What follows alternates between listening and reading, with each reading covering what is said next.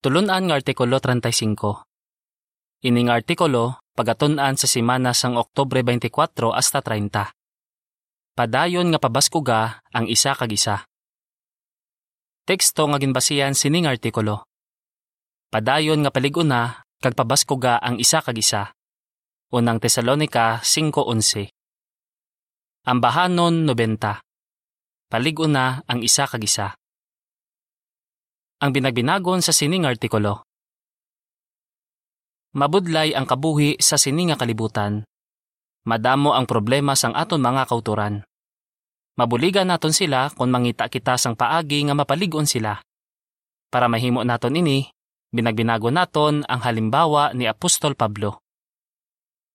Para po uno, pamangkot.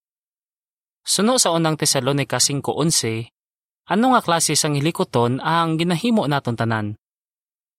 Gin patindugan bala sang Kingdom Hall ang inyo kongregasyon o kon gin bala ang inyo Kingdom Hall? Sigurado gid nga indi mo malipatan ang inyo una nga meeting sa inyo bag-o nga Kingdom Hall. Dako gid ang pagpasalamat mo kay Jehova. Posible pagani nga nakahibi ka sa kalipay. Kag daw indi ka na makakanta sang nagabukas nga ambahanon. Bangod matahom kamabakod ang aton mga kingdom hall, nagresulta ini sa pagdayaw kay Jehova. Pero mas madayaw pagid naton siya paagi sa paghimo sang isa ka klase sang hilikoton. Hindi literal nga mga building ang aton patindugon o kon pabakuron, kundi ang mga tao nga nagakadto sa mga pasilidad nga ginagamit naton sa pagsimba. Amo ini nga klase sang pagpabakod ang ginapatuhuyan ni Apostol Pablo sang ginsulat niya ang mabasa sa unang Tesalonika 5.11, nga amo ang teksto nga ginbasihan sining artikulo. Ini nagasiling, Gani, padayon nga paliguna, kag pabaskuga ang isa kag isa, subong sang ginahimo na ninyo. Para po dos, pamangkot. Ano ang binagbinago naton sa sining artikulo? Isa gid ka maayo nga halimbawa si Apostol Pablo kay kabalo siya kung paano pabakuron ang iya mga kauturan. May empatiya siya sa ila.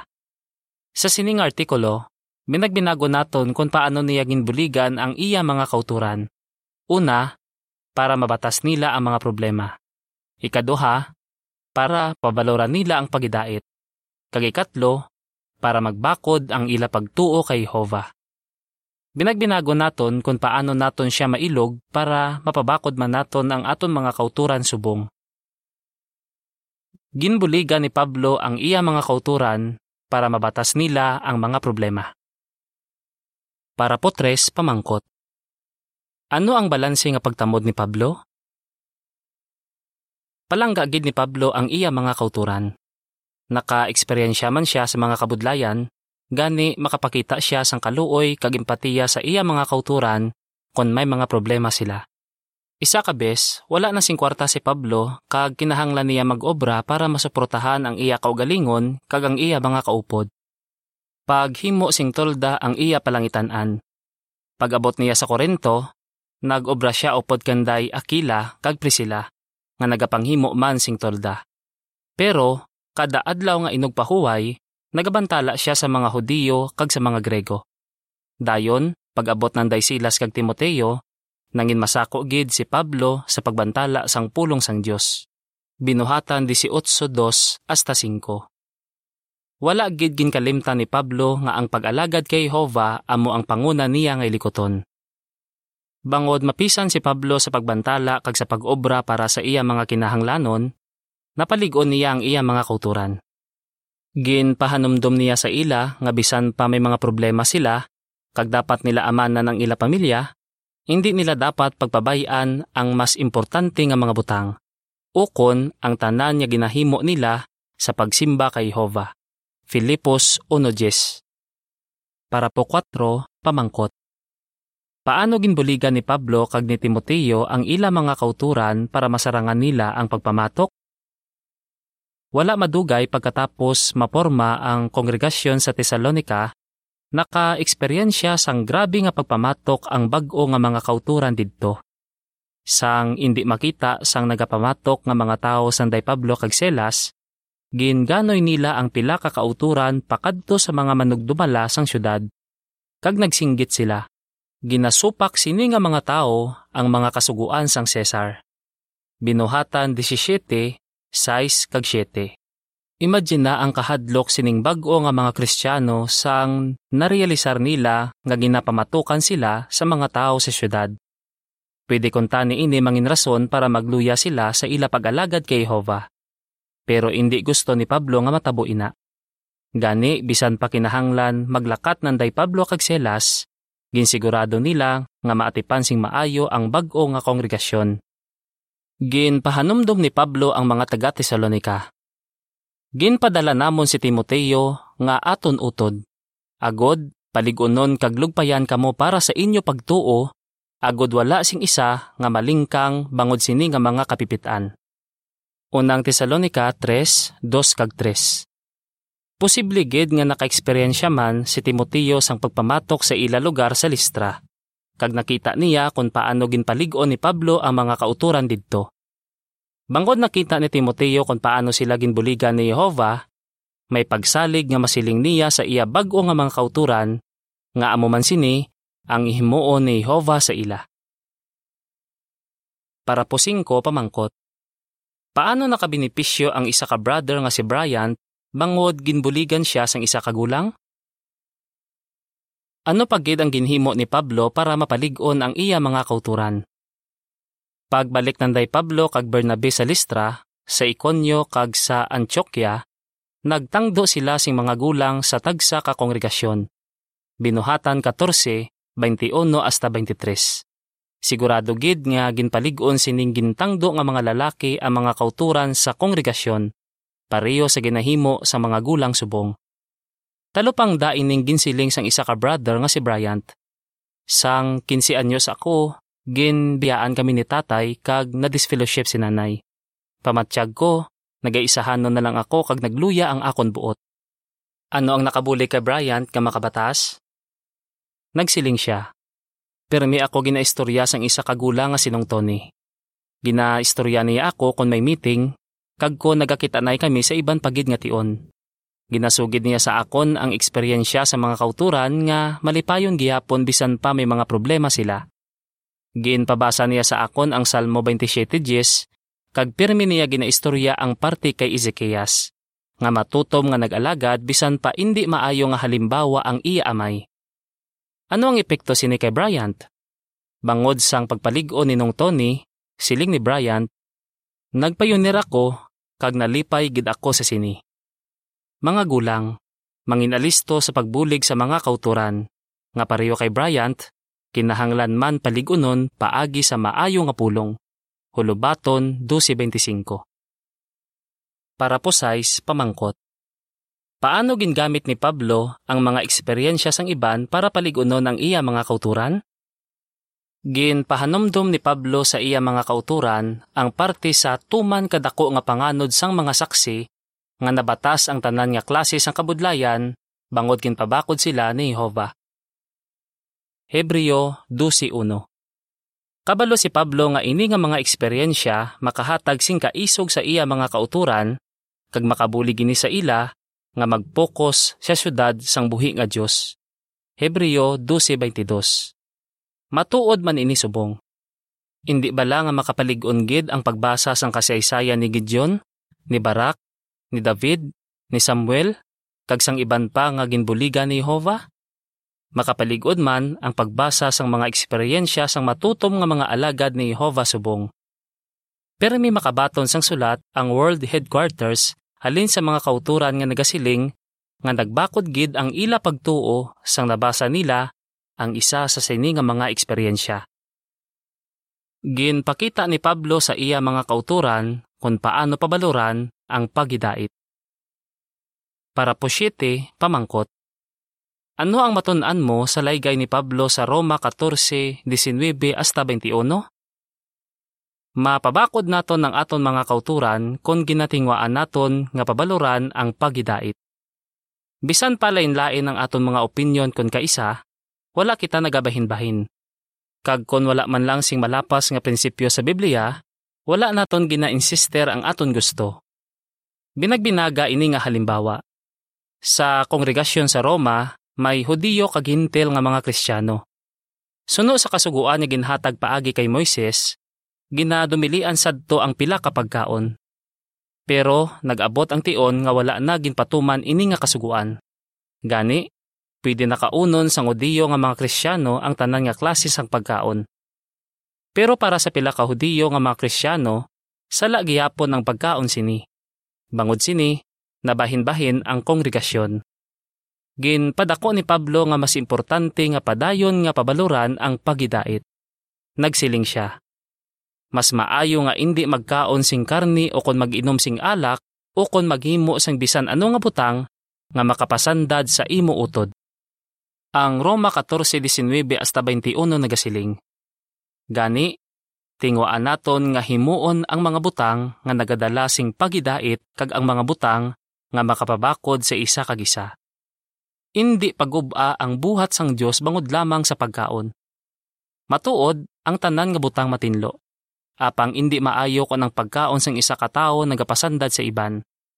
Mas maayo nga indi magkaon sing karne o kon mag-inom sing alak o kon magimo sing bisan ano nga butang nga makapasandad sa imo utod. Ginbuligan ni Pablo ang iya mga kauturan nga makita nga kon may ara mga pagbinaisay, mahalitan gid sila kagang bilog nga kongregasyon. Handa man makigbagay si Pablo para hindi masandad ang iban. Kung may gusto nga himuon ang isa ka utod, kag wala man lang siya may ginalapas nga prinsipyo, hindi naton ini dapat paghimuan sang isyo, bisan palain ini sa gusto naton nga himuon. Paagi sa sini, mapabakod man naton ang iban, kag mapakita naton nga ginapabalora naton ang pagidait. Para po otso, pamangkot. Ano ang ginhimo ni Pablo sang may problema ang kongregasyon nga posible makadula sang pagidait? Bisan pa hindi husto ang pagtamod sang iban sa importante nga mga butang, nagpakita si Pablo sang maayo nga halimbawa para hindi madula ang pagidait. Halimbawa, ang pila ka utod sa kongregasyon sang unang siglo nagsiling nga dapat magpatuli ang mga hintel nga nanging kristyano. Posible nga ginhuna-huna nila nga basi pakalainon sila sa mga tao kung wala natuli ini nga mga hintel. Indi gid konforme si Pablo sa ila gusto nga himuon pero wala ginpilit ni Pablo ang iya gusto. Sa baylo, nagpaubo si Pablo kag nangayo siya sing laygay sa mga apostoles kag sa mga gulang sa Jerusalem. Bangod sang ginhimo ni Pablo, padayon nga naging malipayon ang mga kauturan kag wala na dula ang pagidait sa kongregasyon. Para po 9, pamangkot. Paano naton mailog ang halimbawa ni Pablo? Kung may mga pagbinaisay, mapakita naton nga ginapabaloran naton ang pagidait kon mangayo kita sing laygay sa mga gintangdo ni Jehova nga magatipan sa kongregasyon.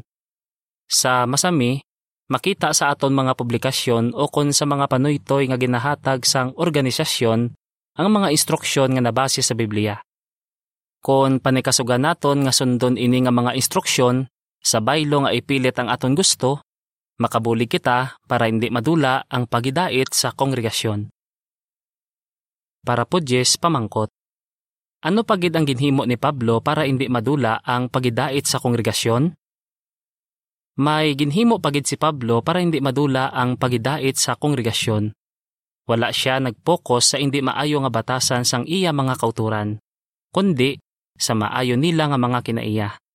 Halimbawa, sa katapusan sang iya sulat para sa mga taga-Roma, madamo nga ngalan ang ginsambit ni Pablo. Sa kalabanan sa sini nga mga ngalan, may ginasiling siya nga maayo parte sa ila, ukon, may ginasugid siya nga detalye parte sa ila. Mailog naton si Pablo kon sambito naton ang maayo nga mga kinaiya sang aton mga kauturan. Kon himuon naton ini, magasuod kag magapalanggaanay pagid ang mga kauturan sa kongregasyon. Para po unse, pamangkot. Kon wala kita nag-itsindihanay sang isa ka utod, anong himuon naton para hindi madula ang pagidait? May mga tion nga nagabaisay bisan ang hamto nga mga Kristiyano. Natabo ini kay Pablo kag sa iya suod nga abyan nga si Bernabe. Nagbaisay sila nga duha kun bala paupdon nila si Marcos o kun indi sa ila masunod nga paglakbay bilang misyonero. Akig sila nga nagbaisay, kag nagbulagay sila. Binuhatan 15, 37 hasta 39. Pero ginsulbar nila ini. Nag-ayuhay liwat sanday Pablo, Bernabe kag Marcos bangod gin pabalora nila ang pagidait kag pagiusa sa kongregasyon. Sang ulihi, maayo ang mga ginsiling ni Pablo parte kay Bernabe kag kay Marcos. Kon wala kita naginsindihan na isang isa ka utod sa kongregasyon, dapat man naton inisolbaron kag dapat padayon kita nga mag-focus sa iya maayo nga mga kinaiya. Kon himuon naton ini, nagabulig kita para hindi madula ang pagidait kag para hindi maguba ang pagiusa sa kongregasyon. Gin pabakod ni Pablo ang pagtuo sang iya mga kauturan. Para pudusi, pamangkot. Ano ang pila sa mga kabudlayan sang aton mga kauturan? Mapaligon naton ng aton mga kauturan kung pabakuro naton ang ila pagtuo kay Hova. Ang pila sa ila ginapakalain sa mga miyembro sang ila pamilya nga indi saksi ukon sang ila mga kaupod sa ulubrahan ukon mga kaeskwela. Ang iba naman may malala nga balatian ukon nabudlayan nga magpatawad. Kag ang iba naman tinuig na nga nabotismuhan kag madugay na nga nagahulat nga tapuson ini nga sistema. Bangod sini nga mga sitwasyon, posible matilawan ang pagtuo sang mga Kristiyano subong. Na eksperyensyahan man sa mga kauturan sang unang siglo ang pareho sini nga mga kabudlayan. Ano ang ginhimo ni Pablo para pabakuron ang iya mga kauturan? Para po 13, pamangkot. Paano ginbuliga ni Pablo ang iya mga kauturan nga ginpakalain sang iban bangod sang ila mga ginapatihan? Gingamit ni Pablo ang kasulatan para pabakuron ang pagtuo sang iya mga kauturan. Halimbawa, posible nga nabudlayan ang Hudiyo nga mga Kristiyano kung anong ila isiling sa mga miyembro sang ila pamilya nga nagapakalain sa ila kag nagasiling nga mas maayo ang Judaismo sang sa Kristyanismo. Sigurado nga napaligon gid ini nga mga Kristiyano sa sulat ni Pablo para sa mga Hebreo. Pwede nila gamiton ang maayo gid nga pagpaatag ni Pablo para mabalaan nila kung ano ang ila isiling sa mga miyembro sang ila pamilya nga indi Kristiyano. Subong, pwede naton buligan ang aton mga kauturan nga ginapakalain man sang mga miyembro sang ila pamilya.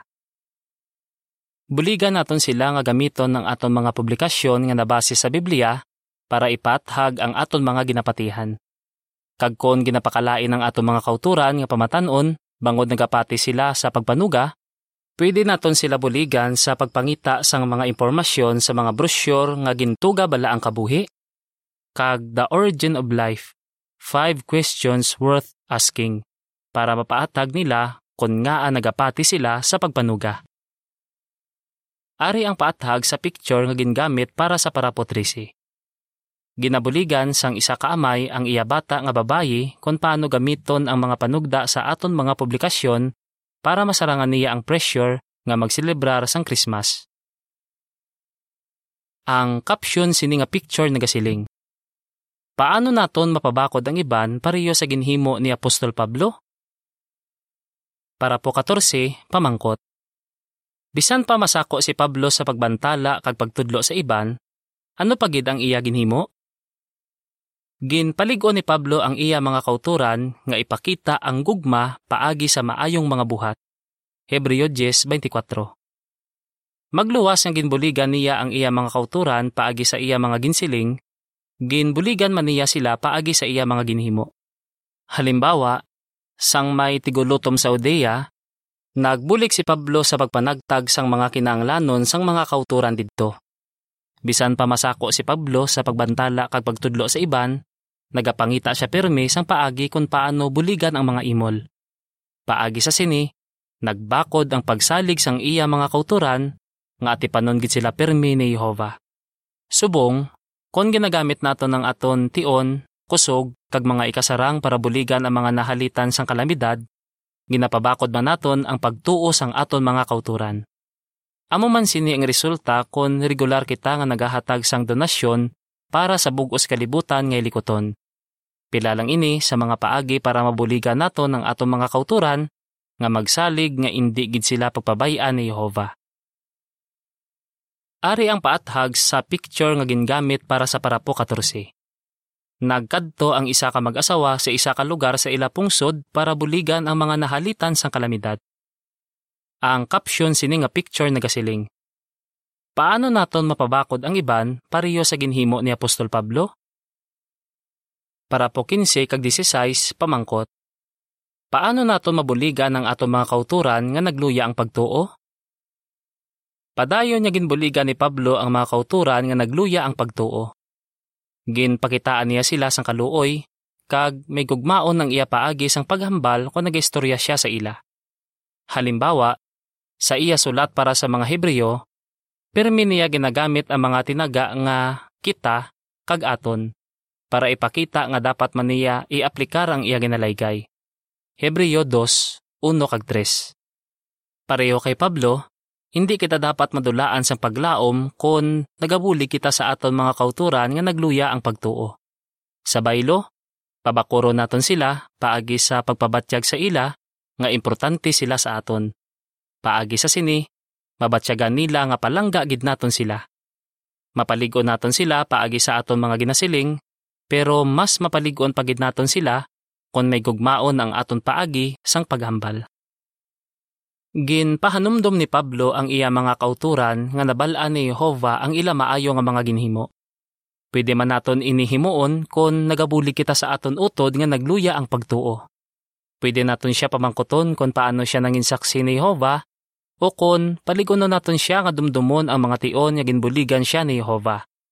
Paagi sa sini, mabuligan naton siya nga magsalig nga wala nalimtan ni Jehova ang mga ginhimo niya sang una para ipakita nga palangga niya sa Jehova kag indi gid siya pagpabayan ni Jehova sa palaabuton. Paagi sa sini nga mga pagistoryahanay, posible nga mapaligon ining aton pinalangga nga mga kauturan nga magpadayon sa pag-alagad sa iya. Ari ang paathag sa picture nga gingamit para sa parapo 15 kag 16. Ginbisitahan sang isa ka gulang ang isa ka brother nga nagluya ang pagtuo.